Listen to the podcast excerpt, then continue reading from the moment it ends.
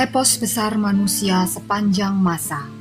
Mahabharata Ramayana. Karya C. Raja Gopalacari Diterbitkan oleh Ircisot Dibacakan oleh Dian Sitoresmi dan Mariana Widya. Bagian pertama. Mahabharata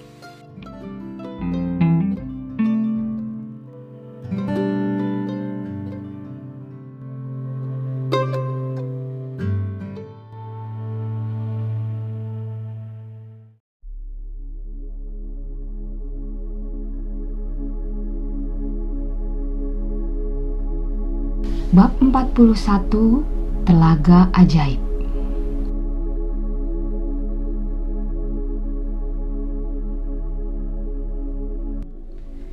Tahun pengasingan yang ke-12 sudah hampir berakhir. Suatu hari, seekor menjangan menggosok-gosokkan badannya pada pendupaan milik seorang Brahmana miskin dan ketika pergi, pendupaan itu tersangkut pada tanduknya. Menjangan yang ketakutan itu terlonjak dan melarikan diri ke hutan. Pada waktu itu, korek api belum dikenal.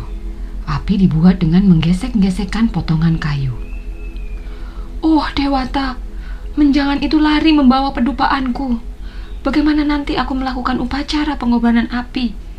Seru Brahmana itu sembari berlari minta tolong kepada para Pandawa. Para Pandawa mengejar menjangan itu beramai-ramai. Tapi tampaknya menjangan itu bukan menjangan sembarangan. Ia terus berlari dan berhasil lolos dari kepungan para Pandawa. Tanpa sadar, para Pandawa masuk jauh sekali ke dalam hutan dan menjangan itu seperti hilang di telan rimba raya. Karena kelelahan, para Pandawa menghentikan pengejaran dan beristirahat di bawah pohon beringin. Nakula mengeluh. Alangkah menurunnya kemampuan kita sekarang Menolong Brahmana dalam kesulitan yang sekecil ini saja kita tidak bisa. Kau benar. Ketika Drupadi diseret di depan banyak orang, mestinya kita bunuh saja manusia-manusia durhaka itu. Apakah karena waktu itu tidak berbuat apa-apa, sekarang kita harus menanggung semua penderitaan ini? Kata Bima sambil memandang sedih ke arah Arjuna. Yudhistira bisa merasakan kesedihan hati saudara-saudaranya. Ia pikir mereka bisa gembira lagi jika bisa melakukan sesuatu bersama-sama. Ia sangat kehausan, maka katanya kepada Nakula, "Adikku, panjatlah pohon itu. Lihatlah, apakah ada telaga atau sungai di dekat sini." Nakula memanjat pohon yang tinggi. Setelah melihat ke sekitar, ia berseru, tidak jauh dari sini aku melihat ada tanaman air dan bangau. Pasti ada telaga atau sungai di dekatnya. Yudhistira menyuruhnya turun dan pergi mengambil air. Dengan senang hati ia segera pergi. Memang benar, di sana ada sebuah telaga. Ia sendiri sangat haus. Maka pikirnya, Sebaiknya ia menghilangkan dahaganya sendiri dulu sebelum membawakan air untuk saudara-saudaranya. Baru saja ia akan mencelupkan tangan ke dalam air, terdengarlah suara.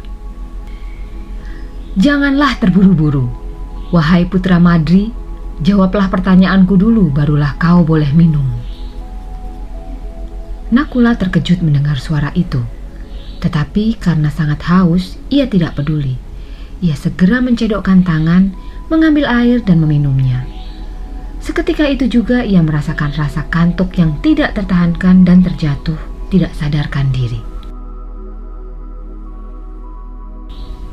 Karena Nakula tidak segera kembali, Yudhistira menyuruh Sadewa untuk mencarinya. Sesampainya di tepi telaga, ia melihat saudaranya terbaring tidak sadarkan diri. Dia bertanya-tanya, apakah ada yang membuat saudaranya tidak sadarkan diri? Tetapi sebelum memeriksa lebih jauh, ia memutuskan untuk minum terlebih dahulu. Sekali lagi, suara itu terdengar kembali. Sadewa, telaga ini adalah milikku. Jawab dulu pertanyaanku sebelum engkau memuaskan dahagamu. Seperti Nakula, Sadewa juga tidak mempedulikan suara itu. Ia segera mengambil air dan meminumnya. Seketika itu juga ia langsung jatuh tersungkur.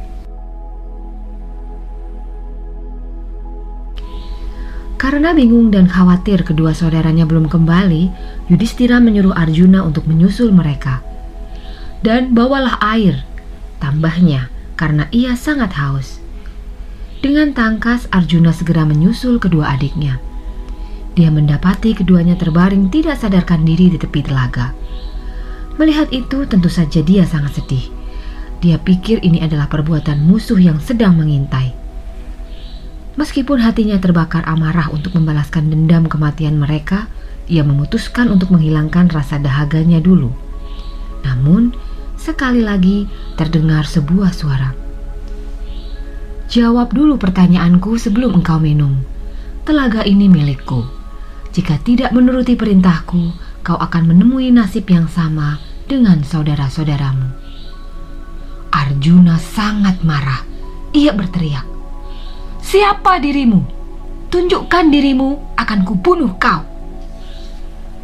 Ia segera membidikkan anak panahnya ke arah datangnya suara. Suara itu tertawa mengejek.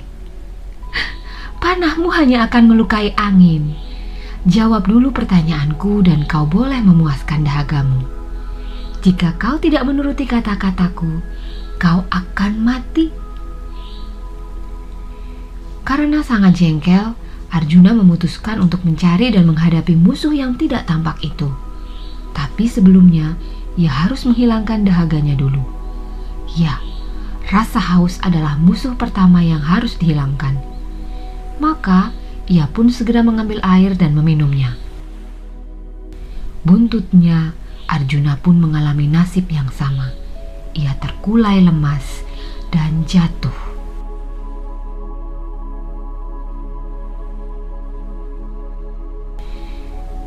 Setelah lama menunggu dan Arjuna tidak kembali juga, Yudhistira menoleh kepada Bima. Saudaraku, Arjuna belum juga kembali. Pasti telah terjadi sesuatu pada mereka. Bintang keberuntungan kita hari ini memang sangat jelek. Carilah mereka dan segera kembali. Bawakan air untukku karena aku sangat haus. Tanpa banyak kata, Bima segera mencari mereka. Kita bisa bayangkan kesedihan dan amarah yang Bima rasakan ketika mendapati saudara-saudaranya terbaring tidak bergerak. Pikirnya, ini pasti perbuatan para jin. Aku akan cari dan bunuh mereka semua. Tapi aku sangat haus, sebaiknya aku minum dulu. Ia pun turun ke tepi telaga. Suara gaib itu terdengar kembali. Hati-hatilah Bimasena, Kau boleh minum air telaga itu setelah menjawab pertanyaanku. Kau akan mati jika mengabaikan kata-kataku. Teriak Bima. Siapa kau? Berani benar memberi perintah kepadaku. Lalu ia minum dari telaga itu. Seketika itu juga kekuatannya yang luar biasa seperti digembosi dari tubuhnya dan ia juga jatuh tersungkur, mati seperti saudara-saudaranya. Sendirian, Yudhistira menunggu dengan sejuta rasa cemas dan dahaga yang luar biasa. Apakah mereka terkena kutukan atau lenyap di telan rimba raya dan tersesat? Apakah mereka pingsan atau mati kehausan? Tidak tahan lagi dengan rasa cemas dan rasa dahaga, Yudhistira bangkit dan mengikuti jejak kaki saudara-saudaranya. Ia mengikuti jejak kaki saudara-saudaranya Tampaknya mereka mengikuti jejak-jejak babi hutan yang berujung pada tapak-tapak burung bangau. Setelah berjalan beberapa lama, ia sampai ke padang rumput yang membentang bak permadani hijau. Di tengah padang itu, terbentang telaga yang jernih airnya.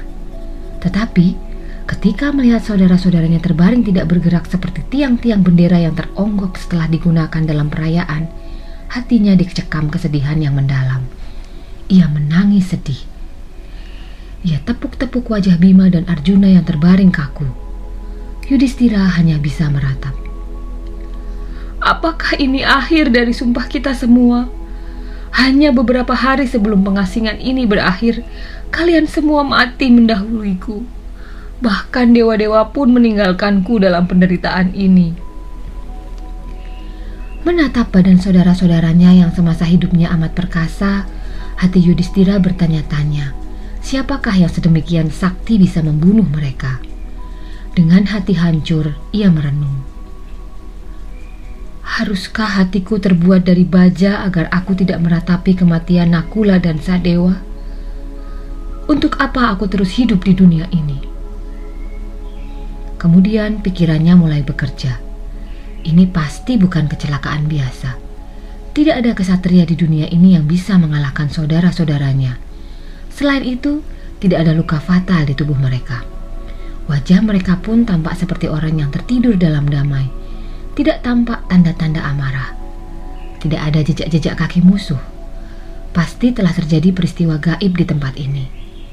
Atau apakah mungkin ini adalah tipu muslihat Duryudana? Mungkinkah telaga itu telah diracun oleh Duryudana? Kemudian, Yudhistira turun ke tepi telaga. Ia ingin melepaskan dahaga yang sudah tidak tertahankan lagi. Tiba-tiba, terdengar lagi suara gaib itu. Saudara-saudaramu mati karena tidak mengindahkan kata-kataku. Jangan ikuti mereka. Jawab dulu pertanyaanku sebelum engkau minum dari telaga. Telaga ini milikku. Yudhistira tahu suara itu pasti suara yaksa. Ia mulai mengira-ngira apa yang sebenarnya terjadi pada saudara-saudaranya.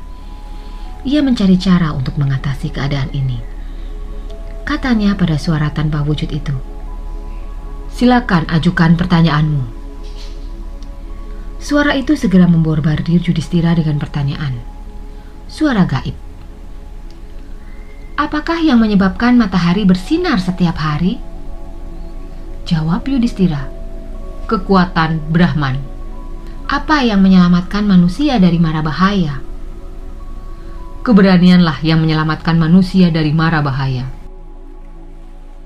Ilmu apakah yang bisa membuat manusia bijaksana? Untuk menjadi bijaksana, tidak cukup hanya dengan membaca kitab-kitab. Dengan bergaul dengan orang-orang bijak, orang bisa mendapatkan kebijaksanaan. Tanya yaksa itu. Apakah yang lebih mulia dan lebih menghidupi manusia daripada bumi ini? Jawab Yudhistira, Ibu yang melahirkan dan membesarkan anak-anaknya lebih mulia dan memberikan kehidupan yang lebih besar daripada bumi ini. Apakah yang lebih tinggi daripada langit? Bapak. Apakah yang lebih cepat daripada angin? Pikiran. Apakah yang lebih berbahaya daripada jerami kering pada musim panas? Hati yang dilanda duka nestapa. Apakah yang menemani seorang pengembara? Kemauan belajar. Siapakah yang menemani laki-laki di rumah? Istri. Siapakah yang menemani manusia dalam kematian? Dharma. Hanya Dharmalah yang menemani jiwa dalam perjalanan sunyi setelah kematian. Perahu apakah yang paling besar? Bumi yang menampung segala isinya dalam dirinya sendiri adalah perahu terbesar. Apakah kebahagiaan itu? Kebahagiaan adalah buah dari perbuatan baik. Apakah yang jika ditinggalkan manusia akan membuatnya dicintai sesama? Keangkuhan. Dengan meninggalkan keangkuhan, manusia akan dicintai sesama. Kehilangan apakah yang membuat orang bisa bahagia dan tidak sedih? Amarah. Dengan menghilangkan amarah, manusia tidak akan dikejar kesedihan. Apakah yang harus ditinggalkan manusia supaya menjadi kaya? Dengan meninggalkan hawa nafsu, manusia akan menjadi kaya. Apakah yang membuat seorang menjadi Brahmana sejati? Apakah kelahiran, kelakuan baik, atau pendidikan? Jawab dengan tegas. Kelahiran dan pendidikan tidak membuat orang menjadi Brahmana. Setinggi apa pun pendidikan orang jika diperbudak oleh kebiasaan jelek, orang itu bukan seorang Brahmana. Meskipun telah menguasai keempat kitab Weda, jika kelakuannya buruk, tidak pantas disebut Brahmana. Apakah yang paling mengherankan di dunia ini? Setiap hari orang melihat orang pergi menghadap Batara Yama. Tapi orang-orang masih saja berusaha untuk hidup lebih lama lagi. Inilah yang paling mengherankan di dunia ini. Demikianlah yaksa itu mengajukan berbagai macam pertanyaan dan semuanya dijawab tanpa keraguan oleh Yudhistira. Pada akhirnya yaksa itu bertanya, Tuanku Raja, seandainya salah satu saudaramu bisa hidup kembali, siapakah yang akan kau pilih? Yudhistira diam sejenak, berpikir, dan jawabnya. Aku pilih Nakula, saudaraku yang berkulit putih seperti awan berarak, bermata bak bunga teratai, berdada bidang, berlengan panjang, tapi kini terbujur kaku seperti sebatang pohon yang tumbang. Yaksa itu senang mendengar jawaban Yudhistira dan bertanya kembali. Mengapa engkau memilih Nakula dan bukan Bima yang mempunyai kekuatan setara 16.000 gajah? Kudengar kau sangat menyayangi Bima. Dan mengapa bukan Arjuna yang keterampilan oleh senjatanya bisa melindungimu? Jelaskan mengapa kau memilih Nakula. Jawab Yudhistira. Yaksa, hanya Dharma yang bisa melindungi manusia, bukan Bima atau Arjuna. Jika mengabaikan Dharma, manusia akan menemui kehancuran. Dewi Kunti dan Dewi Madri adalah istri ayahku. Aku, anak Kunti, masih hidup. Dengan demikian, ia tidak kehilangan keturunan. Supaya adil, biarlah Nakula, putra Dewi Madri, hidup kembali.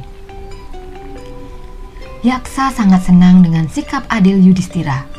Akhirnya ia menghidupkan kembali saudara-saudara Yudhistira. Ternyata Menjangan dan Yaksa itu adalah jelmaan Batara Yama yang ingin menjenguk dan menguji putranya, Yudhistira. Batara Yama memeluk putranya dan memberikan restu. Kata Yama, Beberapa hari lagi masa pengasingan kalian di hutan akan selesai. Tahun ke-13 pun akan berlalu dengan cepat musuh-musuh kalian tidak akan bisa mengenali kalian. Kalian pasti akan lulus dalam ujian berat ini. Setelah berkata demikian, Batara Yama menghilang. Jelaslah bahwa Pandawa harus melalui berbagai macam masalah selama masa pengasingan mereka di hutan. Namun demikian, buah yang mereka peroleh pun setimpal. Periode pembuangan itu merupakan masa di mana mereka menjalani disiplin yang keras dan percobaan yang berat. Periode itu membuat mereka menjadi manusia yang semakin tangguh dan bermartabat. Arjuna kembali dari Tapabrata dan mendapatkan senjata dewa dan bertambah sakti berkat pertemuan dengan Batara Indra. Bima juga bertemu dengan saudara tuanya, Hanoman, di dekat telaga tempat tumbuhnya bunga saugandika ia menjadi sepuluh kali lipat lebih kuat berkat pelukan saudaranya itu. Setelah bertemu dengan ayahnya, Batara Yama, kekuatan batin dan kemuliaan Yudhistira semakin bersinar. Orang-orang yang mendengarkan kisah pertemuan antara Yudhistira dan ayahnya tidak akan berbuat jahat. Mereka tidak akan pernah membuat perselisihan dengan para sahabat dan iri hati pada kekayaan atau hak milik orang lain. Mereka tidak akan pernah membiarkan diri menjadi budak nafsu. Mereka tidak akan pernah membiarkan diri lekat pada hal-hal yang fana.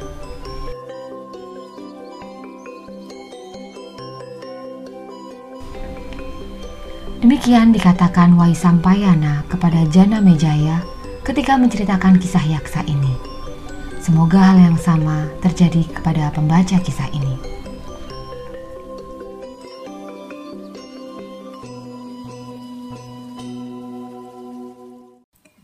Dengarkan kisah selanjutnya di episode berikutnya.